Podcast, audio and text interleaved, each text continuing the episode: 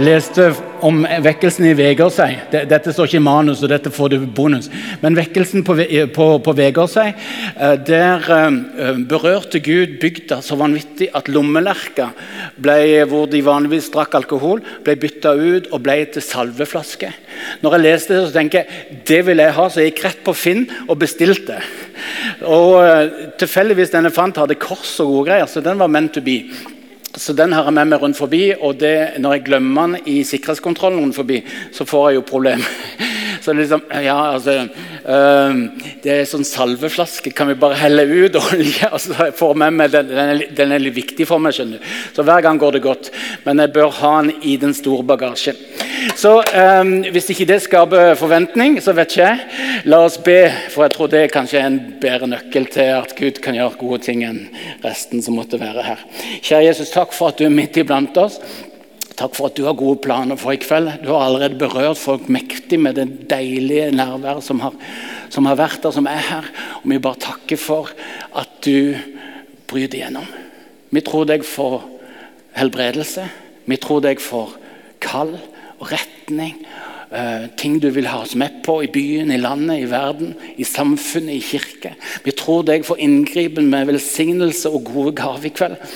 Vi tror at du er forberedt når den enkelte av oss fant veien til Imi kirke i kveld. Og for de som hører på nettet, tror du var forberedt, Herre. Tror du var forberedt, og du er i stand til å gjøre det umulige mulig. For du er, og du har, alt det vi trenger. Så Herre, vi elsker deg. Vi elsker deg, og vi er sultne på mer av deg. Vi vil ha mer av deg, Herre. Vi vil være med på det du gjør, og vi vil ha det du har for våre liv. Herre Jesus, takk for din nåde. Og takk for at du aldri holder opp mot oss alle, alt, alle de gangene vi svikter og alt det der surret der. Men du, du trår oss nær fordi du elsker oss. Og du har uendelig mye for den enkelte av oss. Herre, skap tro i oss. Skap sult i oss. Så vi får lov til å være med på det du gjør. Få tak i det som du har for den enkelte. Herre, vi vi vet det er enkelt, og vi tar bare imot for deg. Tar imot for deg, Herre. Tar imot for deg, Herre. Takk, Jesus. Wow. Halleluja. Hmm.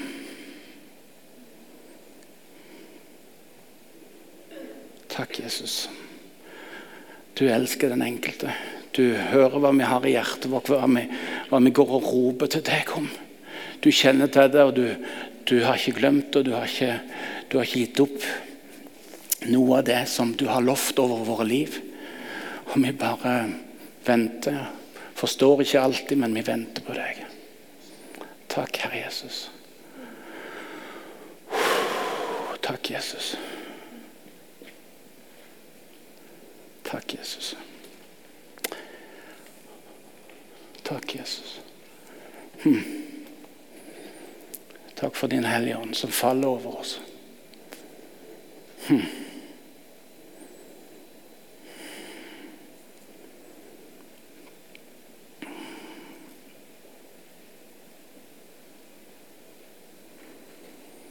Takk, Jesus. Takk for du er midt iblant oss. Wow.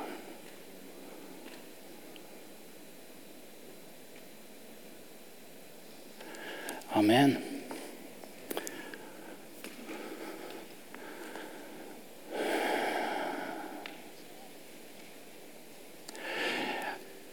Enda en ting som ikke står i manuset. Jeg ser at min gode venn Satat sitter helt baki der, fra Thailand. og Det er liksom tre-fire år siden jeg har sett ham.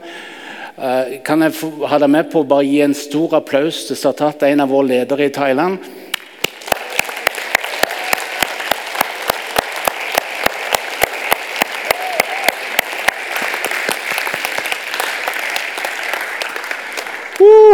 Jeg ble helt satt ut. Jeg holdt på å be, og så så jeg han sitte der. Det var jo ikke lett å be. Herlighet. Wow. wow. Da må vi til manus, tror jeg. Jeg fascineres av historien om Philip i Bibelen. Vi blir eh, kjent med han først i Apostlenes gjerninger 6, vers 1. Derfor har jeg akta her, sånn at du vet hvor i Bibelen vi er. Uh, akta chapter 6, verse 1. Så hvis du vil følge med, så, så begynner vi der, og så skal vi eh, se litt eh, og lære litt om Philip. han er navnebror med apostelen Philip. Så bare sånn at du har litt oversikt over at det er to Philipper som løper løs i første tida i kirka. Dette er han som ikke er apostelen, men ufattelig mye spennende som skjer gjennom ham. La meg ta det kjapt gjennom av det, eh, noe av det vi vet om Philips sitt liv. For det første så, så møter vi Philip der hvor vekkelse utfordres av konflikt. Det har vært en enorm vekkelse fra Jesus sto opp fra de døde og reiste opp til himmelen. Uh, og fram til, til, denne dagen også. Og så, og så uh, skjer det som ofte skjer i menigheter, at en utfordres av ulike former for konflikter som drar fokuset vekk fra å være med på det Gud gjør. Og det som skjer i begynnelsen her er at De ikke-jødiske eh, enkene føler seg forskjellsbehandla med matutdelinga i Jerusalem. Det er noen som tar litt vel mye og får litt for mye av fellespotten. Og til slutt så smeller det. Såpass mye at apostlene må inn i konflikten, og de tar grep for å Eh, for å hindre at dette ikke får stoppe vekkelsen. Og De sier, 'Velg nå ut blant dere brødre sju menn som har godt ord på seg og er fylt av ånd og visdom.'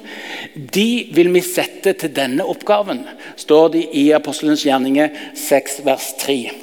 Og Philip han er en av de sju som en kunne se var fylt av ånden. Wow! Superinteressant. Altså, bare vel Gud, syv av hele den gjengen som du ser er fylt av Den hellige ånd, og som, som bærer på visdom. Fascinerende.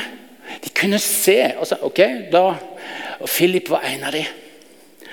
Og um, Konflikten klarte ikke å stoppe vekkelsen gjennom disse grepene. Så I vers 7 så står det at Guds ord nådde stadig flere, og tallet på disipler i Jerusalem økte sterkt. Også en stor flokk av prestene ble lydig mot troen. Og eh, det vi ser her er at uh, Litt tidligere så har vi uh, lest at de er blitt 5000 i menigheten i Jerusalem. Og dette er det etter det. Så vi snakker om at det er bevegelse, sånn at det er en fem til kanskje opp mot 10 000 kristne i Jerusalem på denne tida. Og en del av prestene har kommet til tro på Jesus. Så for det andre, når konflikt ikke hjalp, så gikk motkreftene videre. Mørket i Jerusalem ble så utfordra av lys. Det korrupte og posisjonssøkende lederskapet ble utfordra av kirkas raske vekst. Og som vi just leste, til og med noen av de sine egne prester begynte å tro på Jesus. Og eh, det, eh, Da gikk alle alarmklokker i eh, motstanderens leir. Og Så kommer historien om Stefanus som steines. Stefanus er en av de andre sju. Og han lever frimodig ut Jesuslivet og vitner så utrolig nydelig og radikalt at uh, det provoserer de noe sånn helt inn i hampen. Og det ender med at de finner fram stein og tar livet av han med å steine han. Og det er akkurat som at når de åpner den døra når de går over den terskelen, så åpner de en dør til masse ondskap, og forfølgelsen bryter ut. Og kun apostlene blir igjen i byen. Men da er det interessant å legge merke til at uh, alle disse her som ble spredt rundt til den, hele, den, den, den tids kjente verden, de blir ikke paralysert når de blir jagd ut i det ukjente. Men de begynner å fortelle om Jesus og gjøre tegn og under som peker mot ham. Og Philip finner vi da igjen i Samaria, og i kapittel 8, vers 4 så fortelles det at Philip kom ned til hovedstaden i Samaria, og der forkynte han Kristus. Og alle som en fulgte oppmerksomme når de hørte Philip tale, og så de tegnene han gjorde. For mange hadde ureine ånder som for ut av de med høye skrik, og mange lamme og halte ble helbredet. Det ble stor glede der i byen. Jeg digger det. Eh, den siste setninga Det ble stor glede der i byen.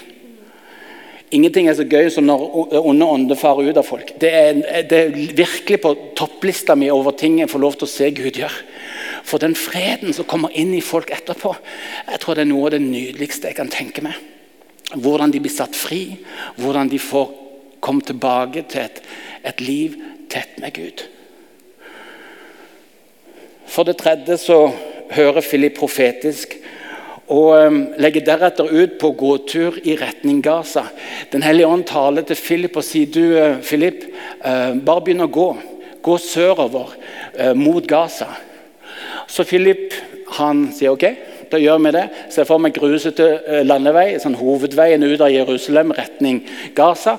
E77 e eller noe sånt. Nei, kanskje E777, jeg er ikke helt sikker. Men i hvert fall den veien der. Og han begynner å gå og går og går og går.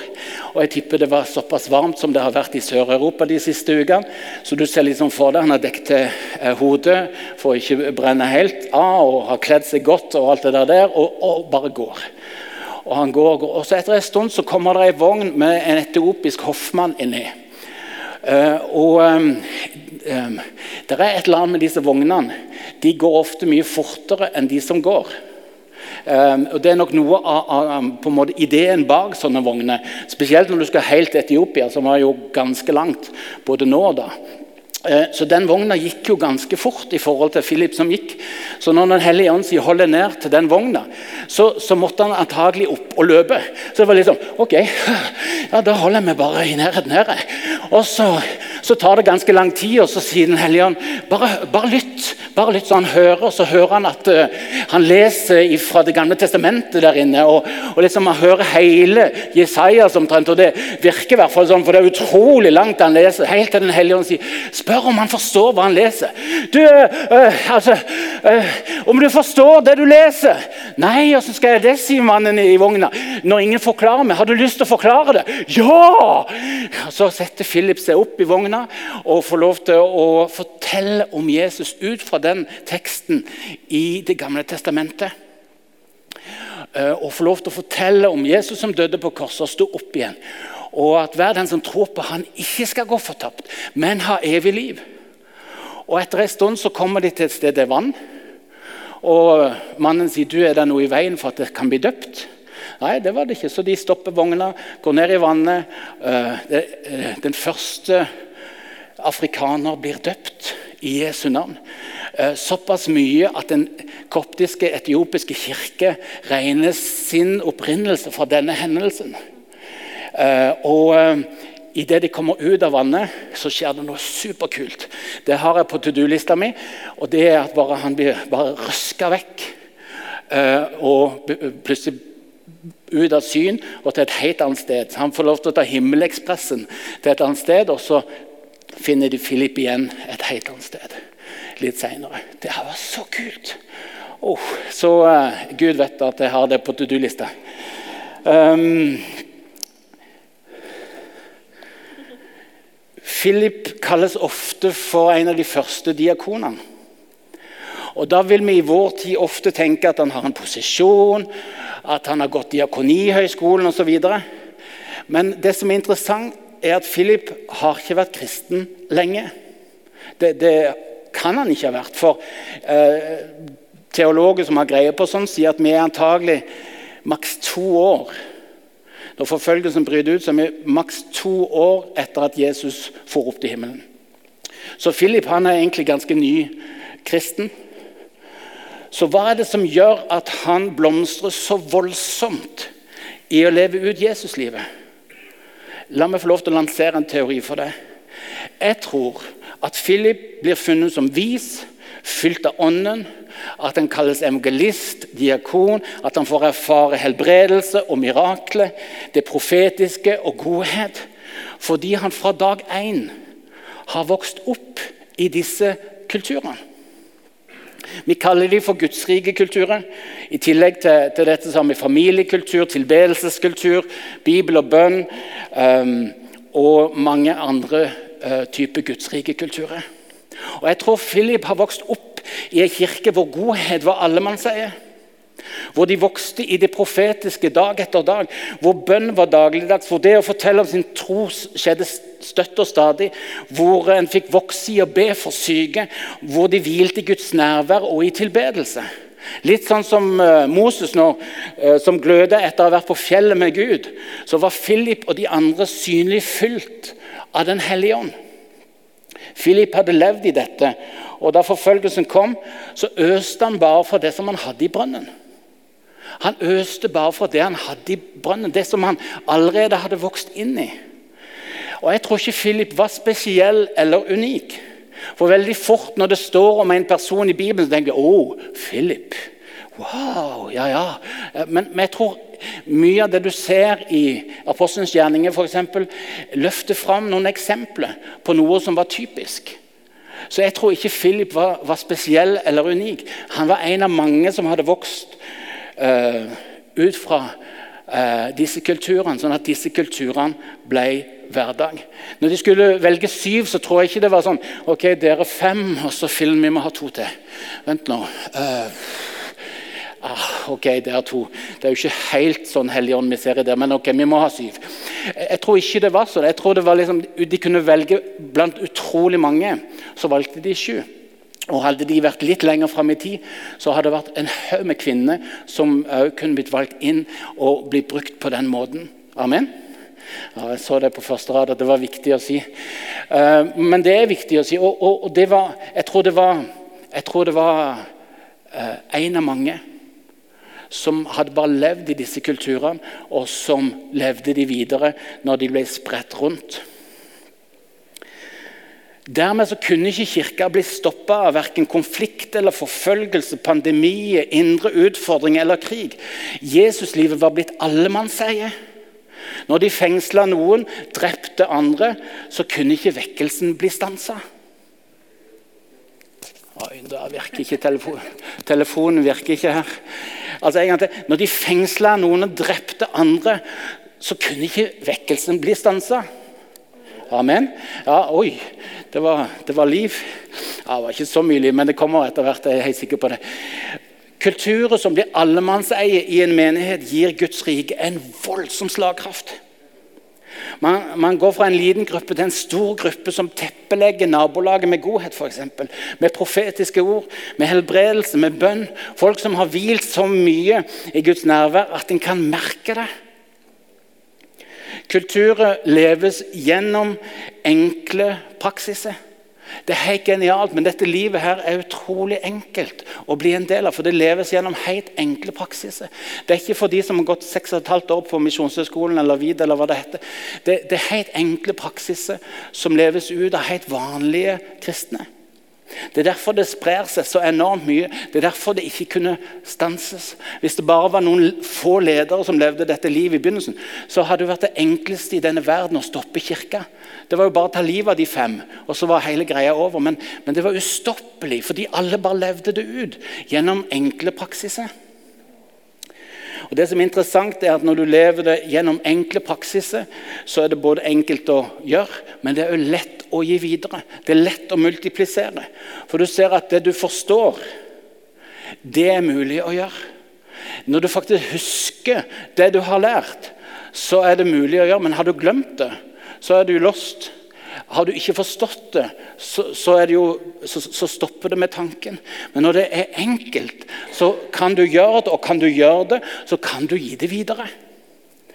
Og derimot, Hvis det blir komplisert og du sliter med å forstå, så stopper det med tanken.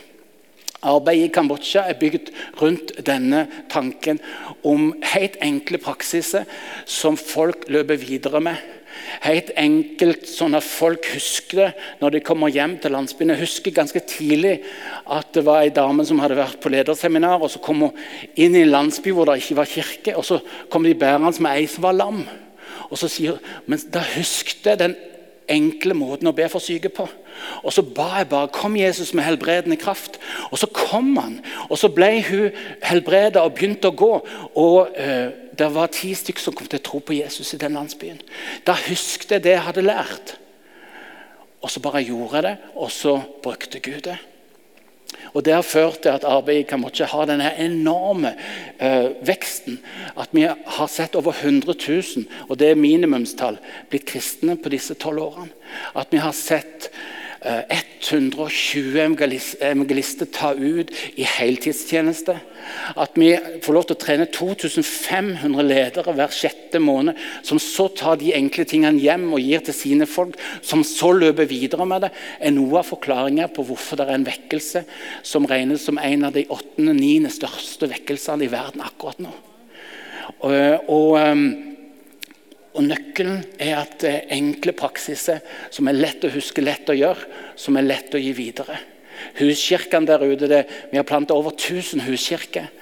Og De er så enkle at en landsby kan fortelle den neste hvordan være huskirke. Du må ikke ha noen som reiser tre timer fra byen og ut og så setter det hele i gang. Men sier nei, det er kjempeenkelt. Bare bli med et par uker hos oss, og så kan jeg gjøre det hos dere.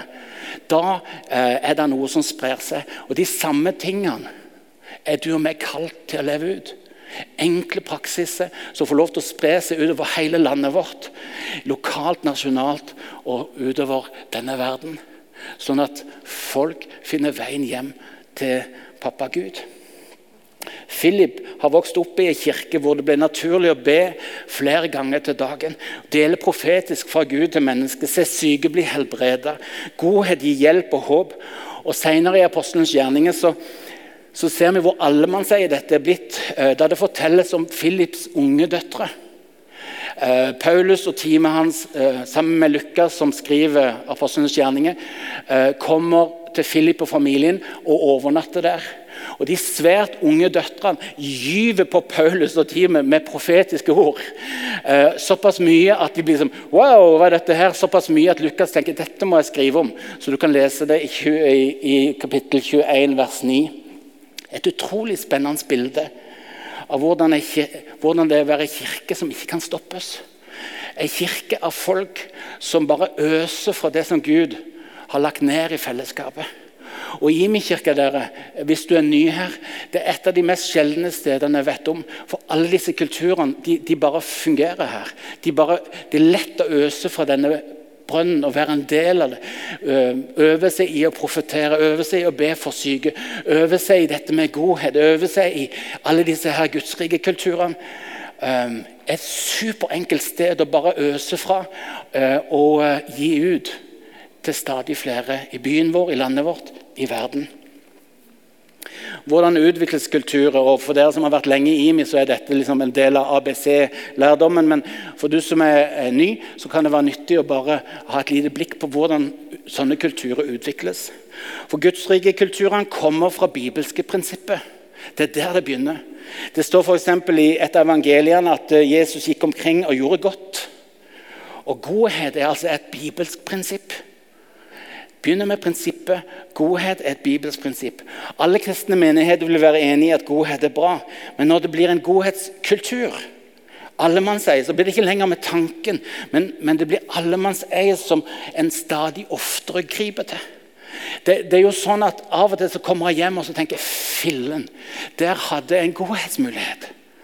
Og så, jo, så Du serverte den på sølvfat for meg, og så, så, var jeg så utrolig treg. Jeg vet ikke om det er bare meg som har sånne erfaringer. Men, men, når jeg får lov til å være en del av en godhetskultur, så er det stadig oftere at det griper de mulighetene. Fordi jeg får lov til å henge med dere, får lov til å være en del av en gjeng som holder godhet varmt. Som, som uh, har gjort det til allemannseie, som deler historie om at vet du hva, her var det en godhetsmulighet, og så, og så hjelper det meg til å ta de mulighetene stadig oftere. Det er noe av det som er så utrolig inspirerende når, når noe blir allemannseie, når noe blir en kultur. For at det bibelske prinsippet skal bli allemannseie, så trengs det å sette av tid til ensidig fokus på bare det ene prinsippet. I livet ditt, i eh, huskirka di, i menigheten. Trengs det tid. Og Martin og Irene har lagt ned livet sitt for at vi skal få tak i disse tingene. Og eh, i, i, den tida de, de, lot oss få se at eh, helbredelse blir allemannseie Fytti og mye trøkk de fikk. Men de, de sto i det, og de valgte å stå i det helt til det ble allemannseie for oss. Sånn at når vi er på butikken og noen sier vet du hva, jeg sover så dårlig for her, så vondt i ryggen, så vil vi stadig oftere si men jeg kan be for det her. Her? Ja, ja, akkurat sånn som jeg har snakket om eh, hvor billig Grandiosa er, så kan jeg bare be sånn med helt vanlig stemme. Jeg trenger ikke liksom halleluja! Sånn, jeg kan bare snakke helt vanlig sånn som, som vi pleier. Um, og Det handler om, om, om at de feita det gjennom. De lot det bli et fokus, repeterende fokus helt til vi begynte, og, det begynte å løsne for oss så sto de i det. Og det har vi som menighet fått lov til å gjøre med alle disse kulturene. Og en av de som vi ikke har fullt gjennombrudd på ennå, er det med vitnesbyrd. At vi bare må fortelle om det vi har sett og hørt som Gud har gjort. For vi vet at det skaper tro i folk. Vi vet at det gir Gud ære. Vi vet at det inspirerer flere. Så, så, det er en av de kulturene som vi, vi, vi ønsker oss enda mer gjennombrudd på. Ofte vil vi bruke tre måneder i starten for å sette i gang en kultur. Da husker jeg i, i fjor høst eller sånn at vi brukte tre, godt og vel tre måneder på dette med å elske muslimer. Fordi vi, vi ser at eh, vi trenger å være et fellesskap hvor det ikke er avstand hvor ikke det er de og oss, men hvor vi er så tett på dem at de får lov til å kjenne kjærligheten fra Gud. Og så, og så, har vi tre måneder hvor vi bare lar det få lov til å modnes iblant oss til det begynner å sitte. Og så kommer vi til å ta det fram med jevne mellomrom for å sikre oss at vi ikke mister det. Hvor mange av, av oss uh, kommer stadig nærmere uh, muslimske kollegaer, naboer, folk vi kjenner. Uh, og, og, Sånn har vi gjort med alle disse kulturene repetisjon over flere måneder.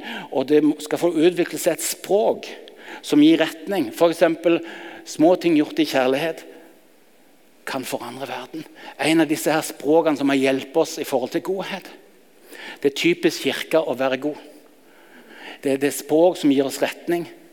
Og Hvis det er en ting som vi syns det er helt greit å være kjent for, så er det godhet.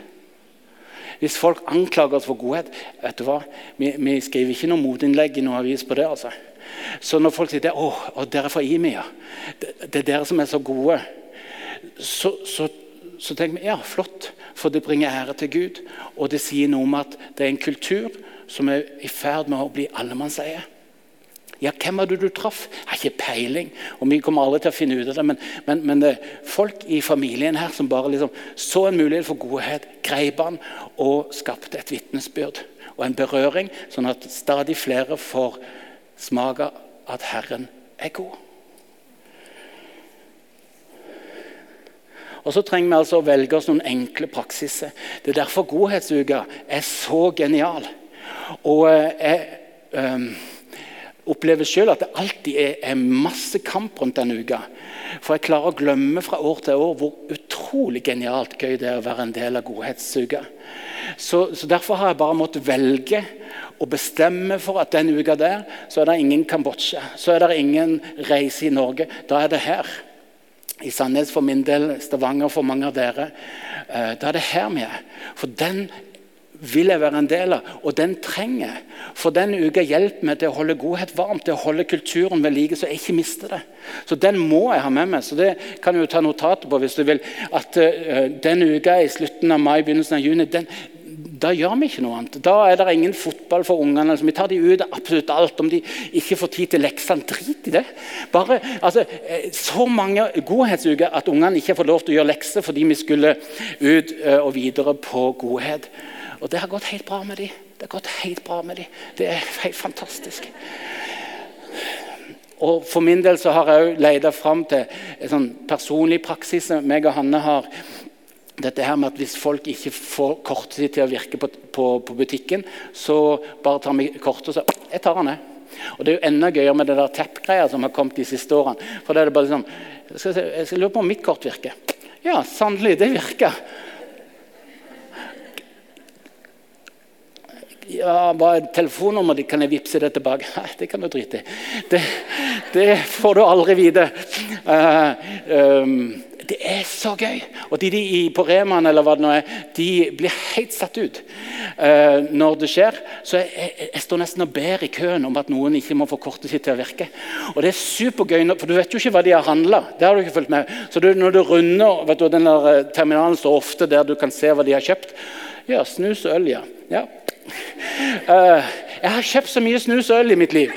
Det er så fantastisk. Og uh, kan tenke seg at det i tillegg er godhet. Det er nydelig. Nå har jeg hørt at dette blir tatt opp og lagt ut, så jeg skal stoppe der. Alt dette er viktig nok i seg sjøl. Godhet berører, men hjelper meg og hjelper oss å holde godhet varmt. Og, Det gjelder alle de andre kulturene òg. At jeg ikke blir fornøyd med at vitnesbyrdene mine om helbredelse er fem år gamle. Jeg vil de skal være et par uker gamle. Og da må jeg be for folk. At ikke historien om å dele profetisk er eldgamle, men de er fra forrige uke. Det, det, det trigger meg, og, og, det trigger kanskje meg enda mer enn en dere. fordi jeg har jo bare kristne kollegaer. Det er jo bare herk. Uh, sånn at um, du må liksom ekstra ut for å, å, å, leve dette ut. og Det tror jeg faktisk var noe av poenget. Så det er jo egentlig nydelig. Vi skal begynne å, å lande um, etter hvert. Og jeg har lagt merke til gjennom våren og sommeren at det har begynt ei bølge av både unge og voksne som vil bli med på det Gud gjør. Det var ufattelig inspirerende å være på Descent. Og å se unge og gamle reise seg på ulike ting og bare si vet du hva, send meg, send meg Gud. Det er enormt mange nye skolelag som er blitt starta på Descent. 60-70 eller noe sånt. Ja, hun er litt usikker, så det er sikkert litt mindre. Men eh, jeg tror jeg er oppe i noe sånt. Pleier å være ganske ryddig på tall fordi at du tenker at jeg ikke er det. Uh, så, um, men, men som, uh, som, folk har sagt, jeg skal starte skolelag når jeg kommer hjem. 60-70 steder. Hvor det er mange hundre som har sagt jeg vil bli sendt ut i misjon. Det er en bevegelse som vi eh, ser, og um, det liv eh, At stadig flere er i ferd med å ruste seg for vekkelse i Norge. Og Det liv vi får øye på hos Philip, er et sånt lave skuldre-liv av bibelske prinsipper som leves ut gjennom enkle praksiser. Som lett kopieres av, av de andre i gruppa di og nabolaget ditt og folk som kommer til tro og osv. Men som er enkle å leve ut. Det er superenkelt å be for syke. Kom Jesus med helbredende kraft. Jeg, jeg, kan jo ikke be for Jeg kan jo ikke helbrede. Ikke sant? Jeg har jo ikke sjans. Jeg, jeg har aldri kunnet helbrede. Men jeg har sett Gud helbrede over 500 ganger. Kom Jesus med helbredende kraft. Det har aldri vært en mer komplisert, bønn i livet mitt noen gang. Men Gud sa det holder i massevis. Jeg kan bruke det. Nå skal, da skal du se. Enkle praksiser. Målet med alt dette er å unne flere å finne veien hjem til pappa Gud. Og slagkraften øker i takt med at folk finner sammen i felles utfoldelse av Guds rike kulturene. Når stadig flere gir Gud mulighet til å gripe inn fordi vi tilbyr å be for den som er syk, for den som mangler håp, så øker muligheten for at folk finner frihet i Jesus, trygg identitet i Han som skapte oss, kraft til å leve gjennom Åndens gave og utrustning. Likedan når stadig flere deler profetisk med folk i hverdagen, når stadig flere åpner Guds ord i løpet av hverdagen, når stadig flere er i bønn for vekkelse, når stadig flere møter hverdagen eh, ut fra Guds nærvær osv., så, videre, så øker sjansen for at folk finner veien hjem til pappa Gud. Og Det er det det handler om. Det er derfor vi er kirke. Når alt kommer til alt, så er det bare én ting som kirka fikk i oppdrag. og Det var å se stadig flere komme til tro på han og bli disipler av Jesus. Det. Og Dette livet gjør det lett for folk å finne veien. Gud kaller deg til å følge ham. På Åpen himmel i sommer så kom hundrevis fram fordi de bar på et kall. Kanskje muligens, eller veldig konkret. Hundrevis. Det var et av de mektigste øyeblikkene jeg har, har hatt med hele den gjengen som sier jeg tror jeg bærer på et kall. Be for meg. Og jeg tror det er enda flere her. Og jeg tror Gud vil kalle oss alle til å følge Han. Det vil se forskjellig ut og vil knyttes til ulike steder lokalt, nasjonalt og, eller internasjonalt. Til kirke og til samfunn. Men jeg er 100, 100 sikker på at Gud har et kall til deg. Gud har et kall til deg. For du som ennå ikke tror på Jesus, hans første kall er å komme tett inntil For Få legge bort alt det som gjør deg vondt og ondt. Finne frihet hos Jesus, som døde for alt det som du bærer på. Og som alltid når jeg taler, så vil jeg være sikker på at enten så har du sagt ja til Jesus allerede, eller så skal du få en tydelig invitasjon her og nå på å begynne å tro på Jesus. Så før vi lander hele skipet her eh, i å hvile i Guds nærvær, så jeg har lyst til å gi en tydelig invitasjon til deg som ennå ikke har sagt ja til Jesus, men som hører om dette livet. Og så sier men det, dette, her jo, dette, dette, her må jeg jo bli en del av. Dette her vil jeg være en del av. Dette, dette vil jeg være med å leve ut. Og Da vil jeg invitere deg til å, til, til å rekke opp hånda så jeg får be for deg. Enten om du aldri har trodd på Jesus, eller om du trodde på Jesus for lenge siden, og så har du vært borte en stund og så tenker du nå er tida inne for å gjensi ja til Jesus. Så Før vi går videre, så vil jeg bare gi deg tid, om du er i en av de to kategoriene helt bak eller på en av sidene eller midt på, til å bare rekke opp hånda hvis du sier at jeg vil begynne å tro på Jesus i dag. Og så vil jeg bare be. Jeg vil bare være helt sikker. Det beste vil være om det ikke er noen. At alle allerede har sagt ja til Jesus. Men, men det er viktig for meg at du får ta det steget. Det er det viktigste kallet du sier ja til. Det er det viktigste steget du tar. Så hvis det er du, kan ikke du bare rekke opp ei hånd, og så vil jeg be kort for deg. Du skal slippe å reise deg. Jeg må bare ha en viss oversikt, så vi kan være sikre på at du får alt det du trenger i etterkant.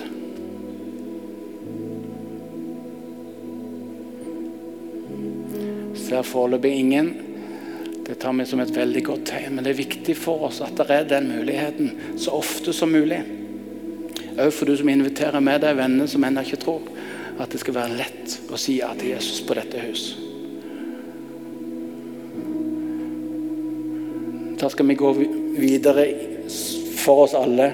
Når lovsangstimen spiller, så, så har jeg lyst til at vi skal avslutte denne undervisninga i Guds nærvær sammen. Hvor du skal slippe å si noe eller gjøre noe, men la Gud fortale. La Gud forhandle. Så, eh, så tror jeg at noen kjenner på at vet du hva, men jeg har muligens kanskje et sånt kall, eller jeg vil ha et sånt kall. Eh, kan ikke invitere deg til å gå ut på den sida og legge det på gulvet, eller sette det langs veggen, eller stå.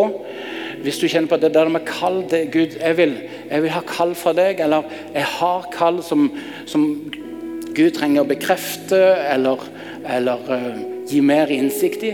Uh, trekk ut på den sida hvis det er deg. Uh, på denne sida så Du som kjenner på vet du hva, jeg har lyst til å, å, å bli helbreda.